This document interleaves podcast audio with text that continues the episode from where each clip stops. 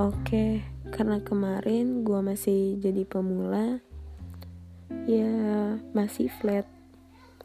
Sekarang gue bakal cerita. Ya sebenarnya ini bukan cerita sih. Hmm, tapi bisa dibilang cerita juga. Mama pernah bilang, Kak, jangan pacaran dulu. Ya wajar sih sebagai orang tua.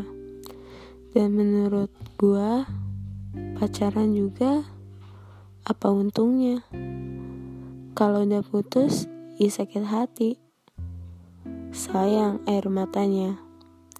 Sayang juga dosa itu. Tapi terkadang gue suka gak sadar sama yang namanya cinta.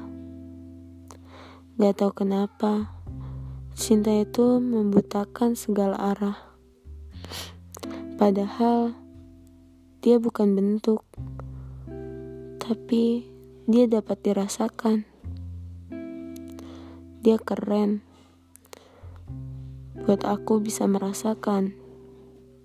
Apalagi orangnya yang sudah buat aku jatuh cinta.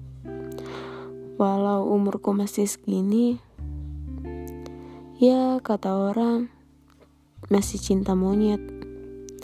Bisa sih dipercaya. Karena apa?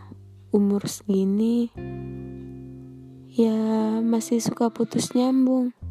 Apalagi pikirannya masih labil. Terus kata mama, buat apa pacaran? buat kebahagiaan sementara. Sedangkan keluarga aja bisa bahagiain kamu. Mau bahagia lagi? Bisa kok sama temen. Kenapa harus sama pacar?